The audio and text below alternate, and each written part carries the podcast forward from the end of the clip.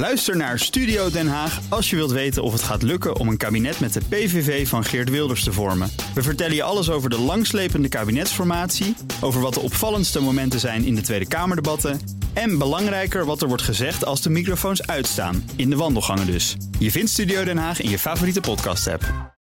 Economenpanel. Stijgende prijzen en recordwinsten, is dat nou hetzelfde als grijflatie? En in de Verenigde Staten staat er opnieuw een bank op omvallen... maar ook het schuldenplafond hangt als een zwaard van Damocles... boven de Amerikaanse economie. Dat en meer bespreek ik in het Economenpanel met Helene Mees... econoom, auteur, columnist verbonden aan de Volkskrant... en Rens van Tilburg, directeur van het Sustainable Finance Lab... verbonden aan de Universiteit van Utrecht. Leden van het panel, welkom. Goedemiddag. Goedemiddag. Het hebben over die Amerikaanse banken. Want na de redding van de First Republic Bank... zijn er nu grote zorgen om een andere regionale bank, PacWest. Toen bekend werd dat de bank een koper zocht... daalde de koers binnen een dag met bijna 60% En in het kielzocht daarvan de koers van bijna alle andere Amerikaanse banken. Helene, hoe kan dat toch? Dat het sentiment zo is dat geen bank uitgezonderd lijkt? Um, nou, het gaat vooral om de regionale banken, zeg maar de grote uh, systeembanken, die zijn op dit moment nog niet uh, aangetast. Um, het komt omdat er minder regulering is. Uh, en wat ze ook hebben gezien na Silicon Valley Bank, die failliet ging, is dat de aandeelhouders helemaal en de obligatiehouders, die zijn helemaal ja, wiped out. Dus die zijn al hun vermogen zijn ze kwijtgeraakt. Um, en nu zijn aandeelhouders in die andere regionale banken, die zijn daar natuurlijk ook heel erg bang voor. Dus op het moment dat zij zien dat er iets is, of dat de deposito's aan het afnemen zijn, denken ze: oh, nu moet ik hier heel snel weg. En dat maar er hoeft weer... niet per se een relatie te zijn onderling tussen die banken. Het is meer een precedent dat geschapen wordt. Absoluut. En zeg maar, elke keer denk je, nou, als we nou die deposito's maar garanderen, dan gaan de uh, spaarders niet weg. Maar dan zie je toch weer, dan, dat is dus gebeurd uh, bij Silicon Valley Bank. Uh, de depositogarantiesysteem verzekert in Amerika 250.000 dollar per uh, klant. Uh, en toch is dat niet voldoende. En dat is toen opgerekt, hè, dat dat oneindig zou worden. En je mag ervan uitgaan, hoewel dat nog geen algemene maatregel is, mag, mogen mensen die hun spaartegoeden aanhouden bij een regionale bank van uitgaan dat hun spaartegoeden helemaal worden verzekerd. Um, ja, is, dat van wenselijk? Want, want Warren Buffett heeft daar al over gezegd, hè, afgelopen zaterdag nog, en hij was niet de enige, dat depositogarantiestelsel tot 250.000 euro. In de praktijk komt dat nergens op neer, omdat ook vermogenden boven die 250.000 euro denken... Ja, dan moet ik mijn geld daar weghalen. En dat moet je natuurlijk voorkomen, want als dat gebeurt heb je een bankrun. Ja, en zo zie je eigenlijk dat heel vaak uh, de oplossing van de vorige crisis ook weer uh, het zaad, uh, zaadje legt voor de volgende crisis. Hè, dus in de eerste grote bankencrisis in Amerika in, in de jaren 20, 30. in, in, in, in um, reactie daarop eigenlijk zijn er allerlei regelingen getroffen die met name dus de spaarders um, veilig maken. Um, uh, ja, en daardoor voelen die zich heel veilig. Die laten hun geld bij, uh, bij, bij een bank staan. En letten dus niet meer op zoals ze daarvoor in min of mindere mate wel deden. Hè. En je ziet eigenlijk dus elke keer dat die grens verder wordt opgerekt. Uh, in 2008 was in Nederland de grens, ik geloof 25.000 euro. Die is naar 100.000 euro gebracht. Nou, in Amerika was hij al 250.000 euro. En je ziet dus nu in ieder geval tijdelijk is die soort van onbeperkt gemaakt. En het is allemaal begrijpelijk. Hè, want, je, want, want, want je, ja, als individu kun je niet de, de, de boeken van je bank in de gaten houden. Uh, tot nu toe dachten we van, nou, van bedrijven mag je dat nog wel een beetje verwachten. Maar ja, dat is in feite de sprong die nu gemaakt wordt. Is dat ze zeggen van, ja, zelfs van bedrijven kun je dat niet verwachten. Dus ook daar gaan we maar alles voor uh, Kun je voor dat van bedrijven niet verwachten? Of is dat te makkelijk geconstateerd? Nou ja, de vraag is wel een beetje van wie gaat nou uiteindelijk wel dan een beetje marktdiscipline, zoals dat heet, uh, op, de, op de banken uitoefenen. Um, en zoals Helene het aangaf, uh, ja, de aandeelhouders, de obligatiehouders, die zijn nu wel. Hè. Dus kijk, dat kun je zeggen is het goede structurele effect van wat er nu gebeurt, is dat die echt zien van hé, hey, wij kunnen gewoon ons geld kwijtraken. Dat zagen heel veel um, uh, aandeelhouders, maar zeker obligatiehouders na 2008 niet gebeuren. Hè. Toen, toen bleven ze, werden de banken gered met belastinggeld. Um, uh, en daar zijn ze misschien ook een beetje lui van geworden. Hè? Dus misschien dat ze nu verrast zijn... hé, hey, we kunnen wel ons geld kwijtraken. Op zich was het officiële verhaal was natuurlijk wel steeds van... we hebben nu hervormingen doorgevoerd... waardoor je als aandeelhouder, waardoor je als obligatiehouder... wel degelijk je geld kwijt kan raken. Nou, dat is het positieve, dat zie je nu dat, dat er gebeurt. En dat leidt natuurlijk nu op de korte termijn even tot extra volatiliteit. Uh, hè, want ze worden allemaal des te zenuwachtiger. Gaan nu in één keer kijken van, hé, hey, hoe groot zijn die risico's? Maar ik zou zeggen, dat is natuurlijk wel het effect... wat je eigenlijk juist wil hebben. Uh, het is in ieder geval winst dat die aandeelhouders wat scherper zijn. De andere kant is dat nu iedereen gewoon bij Morgan Stanley uh, terechtkomt. Uh, die, uh, is de, dat is de grote bank die nu al die kleine banken opneemt. Nou, eigenlijk had het dan niet gemogen, maar er is een uitzondering gecreëerd... waardoor ze ook die laatste bank toch hebben kunnen redden. Ja, absoluut. En nog weer groter mochten worden. Ja, dus het is eigenlijk... Er is nu met reddingsoperaties of de banken die omgevallen zijn... is al meer geld gemoeid dan met de regionale banken... die in de, bij de crisis in 2008 omgevallen zijn. Dus dat is echt uh, aanzienlijk. Um, het is inderdaad. Maar ja, het is, we weten allemaal van banken. Het is een accident waiting to happen. Uh, en dat geldt maar weer. En ook als het niet over de uh, deposito's gaat die weggehaald worden, blijkt het nu dat het aan de aandeelhouders zijn. Want eigenlijk is de analyse in de Verenigde Staten nu. de reactie van de aandeelhouders van die banken is niet proportioneel met hoe de, de balans van die banken is. Die balans, Pac West, is niet in een hele, hele slechte staat. Hij wordt wel gekeken naar commercieel vastgoed, hè, wat dat nog ja. waard is. Uh, staat er relatief veel leeg, onder andere vanwege de coronapandemie, het vele thuiswerken. Dus is minder waard geworden. En als dat de onderpand is van leningen, dan zijn die leningen wat slechter geworden. Ik, ik denk ook wel dat dat wel een, een, rode draad is tussen die verschillende regionale banken hoor. Is dat ze inderdaad, omdat er allemaal slecht toezicht op werd gehouden, hebben ze gewoon hele grote risico's kunnen nemen rondom uh, het effect van een rentestijging met hun obligatieportefeuille, maar ook inderdaad in het commerciële vastgoed. Dus dat, dat geeft gewoon grote verliezen. Ja, op het moment dat dan die depositohouders uh, hun spaargeld gaan terugtrekken, ja, dan kom je gewoon in de problemen. En ik denk dus dat voor een PacWest dat gewoon een heel reëel probleem is. Die hebben heel veel ongerealiseerde verliezen, zoals dat heet, aan de, aan de assetkant van, uh, van hun balans. Ja, als er dan aan de liabilities kant de spaarders weglopen, dan moet je dat gaan verkopen. Dat is natuurlijk wat met Silicon Valley Bank gebeurde. Ja, en dan gaat je bank onderuit. En dat, dat, dat effect is ook heel reëel, denk ik, bij, bij een PacWest. Um, en dan ben je als aandeelhouder wel je geld kwijt. Kijk, ik denk waar, waar we minder, waar we een beetje ontspannen over kunnen doen, is het feit dat als een aandelenkoers heel hard naar beneden gaat, dan hoeft dat een bank op dat moment eigenlijk helemaal niet in de problemen te brengen, zolang ze maar geen extra kapitaal hoeven aan te trekken. He, want dat kapitaal dat zit vast. Ja. He, dus in feite, de aandeelhouders rennen ook niet weg met meenemen van hun, hun aandelenkapitaal. Nee, ze verkopen het, ja. uh, leiden daar verlies op. Maar, maar in het eigen vermogen van de bank verandert niks. He, dus daar kunnen we wel, denk ik, wat, wat rustiger over doen. Het, het probleem, probleem, is alleen de, de, de, de, inter, interactie tussen de aandeelhouderskoers en de deposito's. He, dus op het moment dat mensen zien van hey, die aandelenkoers gaat naar beneden, ja, dan zijn er toch ook inderdaad mensen die zeggen van nou, dan ga ik nu mijn spaargeld daar weghalen. He. Dus dat, dat over en weer effect. En, dat, is... en dat, dat spaargeld weghalen, dat gaat natuurlijk in een uh, recordtempo. Ik kom nog even op wat de vet daarover zegt. Het staflid Bar. De combinatie van sociale media en verzameling rekeninghouders sterk geconcentreerd en met elkaar in een netwerk van technologie, dat betekent dat de snelheid van die bankruns fundamenteel veranderd is. En dan is de vraag: welk toezicht helpt daar nog tegen?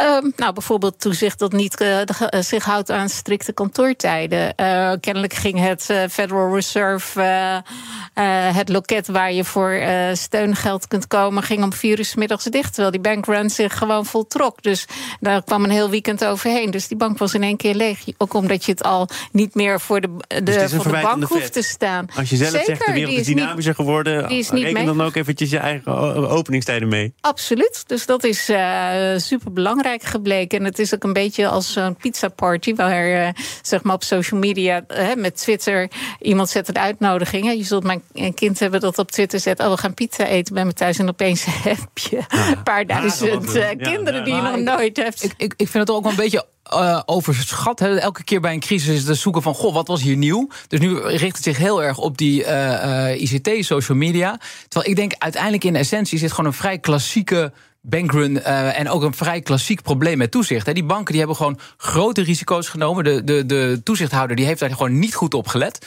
He, dus er stond ook gewoon in de, in de jaarverslagen, uh, had je het kunnen zien, uh, dat die risico's veel te groot waren. Maar ja, er was een, uh, onder, onder Donald Trump een regeling veranderd, waardoor deze banken ja, onder een heel licht toezichtsregime kwamen te staan. Ja, en daardoor konden ze deze risico's nemen. Kijk, en dat het vervolgens allemaal wat sneller in elkaar klopt vanwege social media, nou, vooruit. Hè, maar in 2008 was er ook al Twitter. In 2008 kon ook iedereen via het internet zijn bankrekening uh, leeg, uh, leeghalen. Dus ik denk niet dat dat nou het essentiële verschil is. Hè. Ik denk de les is vooral gewoon goed toezicht, zoals we dat inmiddels ontwikkeld hebben. Ja, dat moet je ook gewoon toepassen en uitvoeren. Dus en alle dat is niet gebeurd. Al. Er hoeft niet heel veel nieuw toezicht te worden nou ja, kijk, gecreëerd. Vanuit Sustainable Finance Lab hebben we een hele reeks aan voorstellen over hoe toezicht nog beter gemaakt kan worden. Maar ik denk als je specifiek kijkt naar de problemen bij deze banken, die hadden onder het toezicht van de ECB of zelfs maar het toezicht van de Fed voor grote banken, hadden ze gewoon niet kunnen gebeuren. Want er was er gewoon eerder ingegrepen. Was er gezegd: jongens, jullie mogen niet zo'n renterisico lopen, jullie mogen niet zo'n slechte portefeuille opbouwen met commercieel vastgoed. Ja, toch, toch heb ik het genoeg bijna elke week uh, ook over dit thema te praten met Arno Boot. En die zegt dan, ja, die banken, dat is nu even groot nieuws. Uh, en dat vergeten we dan weer. En dan worden ze gered, uiteraard. Want anders dan uh, is Leiden in last. Dan gaat het een tijdje goed. En dan moffelen we de problemen onder het tapijt. Praten we nergens meer over. Wachten we op de volgende crisis.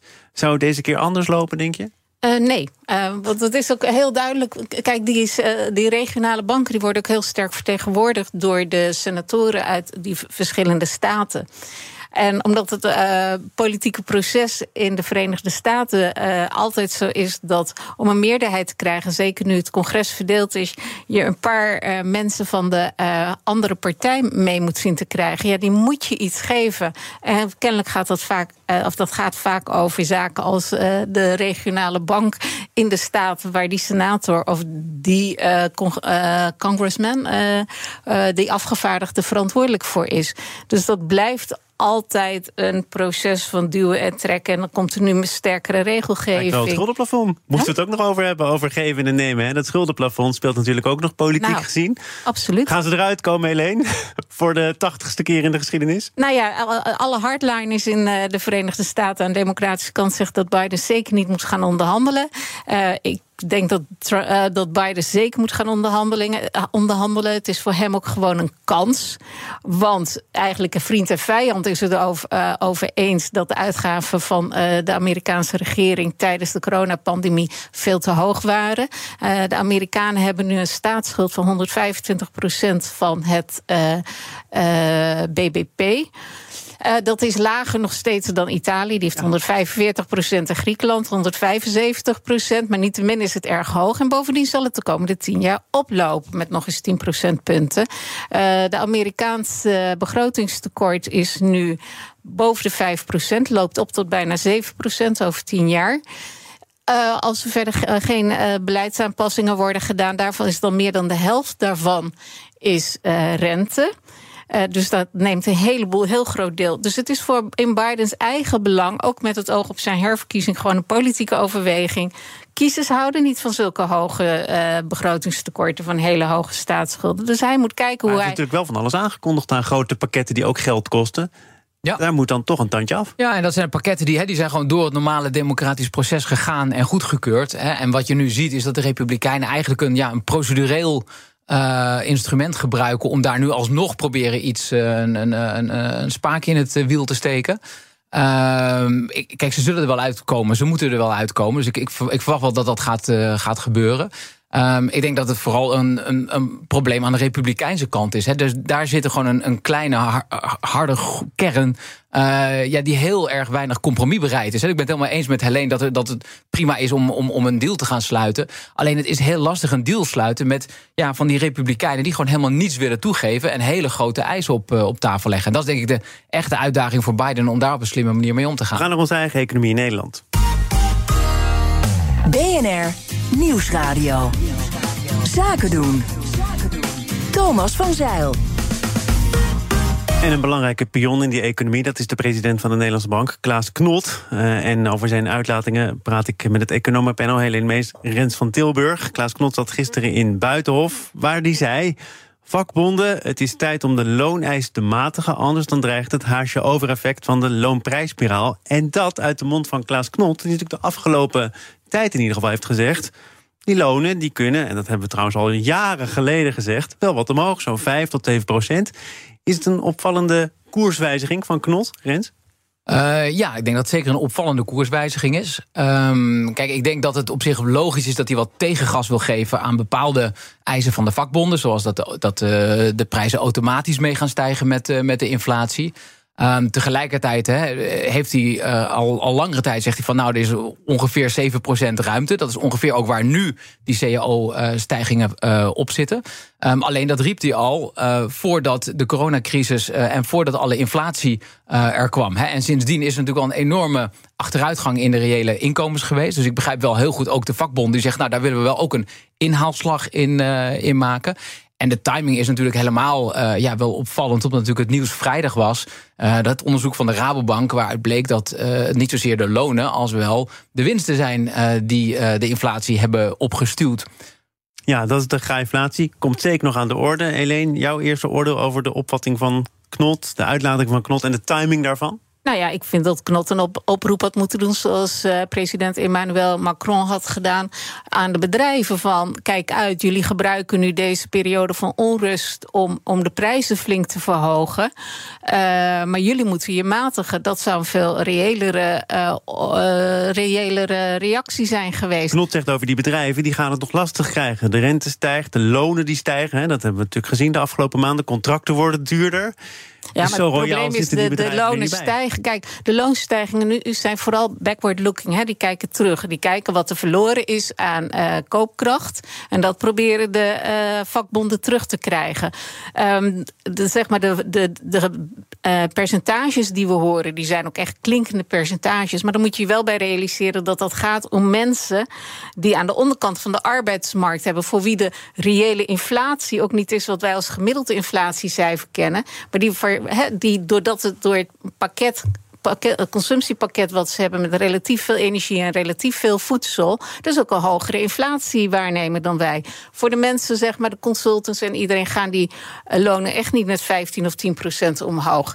Uh, dus ik, ik, ik vind. Had, moet dat dan? Boodschap... Mensen die er al warmpjes bij zitten, moeten die ook een loonstijging krijgen? Niet, maar niet op dezelfde manier. Maar ik denk dat in die zin de berichten die we nu horen over de loonstijgingen die in bepaalde sectoren worden gegeven, dan valt het allemaal. Het gemeenschappelijke kenmerk is, is dat dat allemaal gaat om mensen die relatief aan de onderkant van de arbeidsmarkt uh, functioneren, die lagere inkomens hebben, die dus een onevenredig grote impact van de inflatie hebben gehad. Uh, dus dat die gecompenseerd worden. Wat ik heel kwalijk vind, is dat ik, of wat ik goed zou hebben gevonden, is als Klaas Knot zegt: van jongens, bedrijven, jullie hebben een verantwoordelijkheid. Want inderdaad, het risico van een inflatiespiraal is aanwezig. Uh, maar dat is vooral als de uh, bedrijven denken dat ze alle kosten die ze hebben, uh, alle kostenstijgingen, niet alleen de kostenstijging, maar zelfs meer nog moeten gaan verhalen. Rens? Nou, kijk, Klaas Knot uh, heeft niet die oproep aan de, aan de bedrijven gedaan. Ik denk, ik ben het eens met Helene uh, wat ze allemaal zegt. En dat dat uh, op zich ook best richting de bedrijven gecommuniceerd had mogen worden. Tegelijkertijd, hè, als, je als bedrijf, als je merkt van ja, ik, ik produceer op volle capaciteit. En die vraag is nog steeds groter dan wat ik kan produceren. Dat je dan gewoon de prijzen verhoogt. Denk ik, kan je een ondernemer niet echt kwalijk nemen. Maar wat, uh, maar, maar, maar ze kunnen dus wel uh, de lonen verhogen. Um, uh, maar Knot deed natuurlijk wel een andere oproep. En dat was aan het kabinet in Nederland. En daar zit ook, denk ik, een deel van de oplossing. Meer bezuinigen? Um, nou, daar wordt steeds het woord bezuinigen genoemd. Ik zou zelf eerder kijken naar lastenverhogingen. kijk, waar, waar, we mee zitten is een economie die op volle toeren draait. Hele lage werkloosheid. Tegelijkertijd hebben we een kabinet die ook nog allemaal prioriteit heeft. En ook terechte prioriteiten. Bijvoorbeeld de energietransitie. dus daar moeten gewoon uh, ja, mensen voor vrijgemaakt worden. Um, nou, de enige manier toch, uh, om dat. 28 miljard gereserveerd voor allerlei klimaatmaatregelen. Ja, dus geld is het probleem niet. Hè? Maar, maar er moeten dus mensen voor vrijgemaakt worden om dat werk te gaan doen. Hè? Dus dat is ook de grote meevaller dit jaar van het kabinet. Is juist al het geld wat ze niet, niet, gewoon niet uitgegeven krijgen. Of het nou over energie gaat, of over de boeren, of over defensie. Maar Klaas Knot zegt overigens wel, volgens mij... als het kabinet op deze voet doorgaat... dan laat het de boel niet netjes achter voor het kabinet na. Zeker, zeker, zeker. Hè? Daar heeft hij ook gelijk in. Maar ik denk belangrijker is dat je op dit moment... gewoon een aantal dingen in, in Nederland voor elkaar wil krijgen dat dat niet gaat lukken als we tegelijkertijd alles blijven doen wat we nu ook al aan het doen zijn. Dus er moet ergens wat af. En dan heeft Klaas Knot het vooral over bezuinigingen. Dat zou betekenen dat de overheid minder dingen gaat doen. Nou, we weten allemaal, als de overheid gaat bezuinigen... dan raakt ook dat vaak juist de, de laagste inkomens. Terwijl het Centraal Planbureau aan het voorspelling heeft voor volgend jaar dat de armoede op gaat lopen. Tegelijkertijd, er ligt een prachtig rapport van de ambtenaren over de vermogensverdeling. Met 56 voorstellen over hoe dat allemaal meer gelijk getrokken kan worden. Ja, daar valt gewoon een hele hoop geld er te ligt halen. er al een tijdje. Wordt toch politiek gezien weinig mee gedaan? Er wordt nou, relatief weinig mee gedaan. Hè. Dus, Zo'n rapport heeft ook vaak meer iets voor, voor, dat dit... voor, een volgend kabinet, wordt dat vaak gezegd. Maar ik denk dus juist, omdat we dus nu met een, met een begroting zitten... die behoorlijk uit het lood geslagen dus er ligt een opdracht uh, van, er wordt geroepen 10, 15 miljard aan extra uh, inkomsten, dan wel minder uitgaven die nodig zijn. Ik zou zeggen, zoek voor die extra inkomsten vooral daar. Dan heb je namelijk ook het effect dat de hogere inkomens in Nederland wat, wat minder gaan doen. En ja. ontstaat er dus ruimte voor andere zaken. Dat staatssecretaris van uh, Financiën, van Rij, dat hij al gezegd heeft: wij kunnen geen aanpassing van het belastingstelsel. Ik vind het überhaupt een schande dat dit kabinet al die goede voorstellen van het CPB, die toch echt heel uitstekend werk doen, die lagen al uh, klaar voordat dit kabinet ging uh, onderhandelen, zeg maar, de formatieonderhandeling inging. Op het gebied van belastingen is nagenoeg niks uh, afgesproken. onder de afgelopen jaren is overigens de belastingdruk op winst wel aanzienlijk gestegen, de vennootschapsbelasting. Um, dus, maar ja, dat punt hebben ze laten liggen. Ik zie ze dat ook niet meer doen. Dus ik weet ook niet hoe groot die ruimte daarvoor is. Maar vind je dus ook wel dat, dat, dat Knot uh, te veel de aandacht vestigt op bezuinigen... en te weinig op het heffen van meer belasting? Volg je daarin Rens van Tilburg, toch niet de eerste de beste? Uh, ik, ik, van mij mag er meer, uh, meer, meer belasting worden geheven. Ook meer op hoge inkomens, liefst ook op vermogens en vermogenswinsten. Uh, maar in totaal denk ik dat de verzorgingsstaat in Nederland aan de grote kant is. Dus denk ik dat er nog wel wat bezuinigd maar zou kunnen worden. Maar als er dan bezuinigd wordt, dat is in ieder geval de angst van Rens. En dat zie je ook een klein beetje terug in die bezuinigingen nu in de zorg. Hè, eigen bijdrage van de WMO bijvoorbeeld. Dan raakt dat ook mensen aan de onderkant.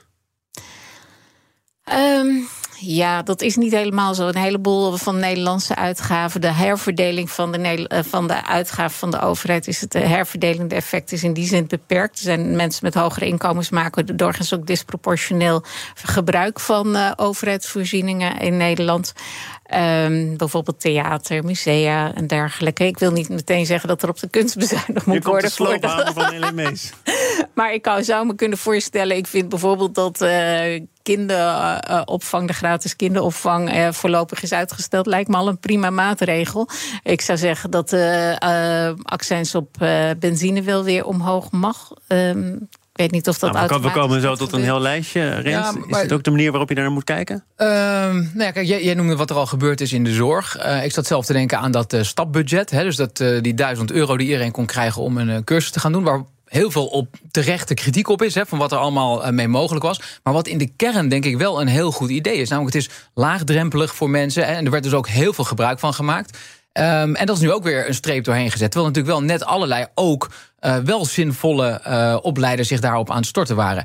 Dus als je kijkt wat er gewoon bij die eerste soort van uh, um, bezuinigingen die we nu net hebben gehad gebeurt, dan denk ik, ja, dan zie je precies toch gebeuren waar ik ja, voor waarschuw, als er, zeker als we nog meer gaan doen, namelijk dat het wel bij de lagere inkomens terechtkomt. Want het, het voorbeeld van de opera-tickets, dat is natuurlijk een klassieker, maar ja, daar, val, daar vallen geen miljarden te halen. Dat zijn uiteindelijk zijn het relatief kleine bedragen die, die daar naartoe gaan.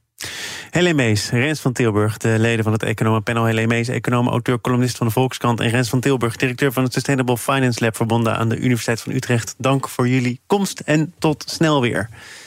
Dit panel is trouwens ook te beluisteren als podcast. Is daar al een doorslaand succes, maar uh, er kunnen altijd meer luisteraars bij. Dat is makkelijker via een abonnement op die podcast... via je favoriete kanaal of de BNR-app. Zometeen gaat het over investeren in duurzame voeding.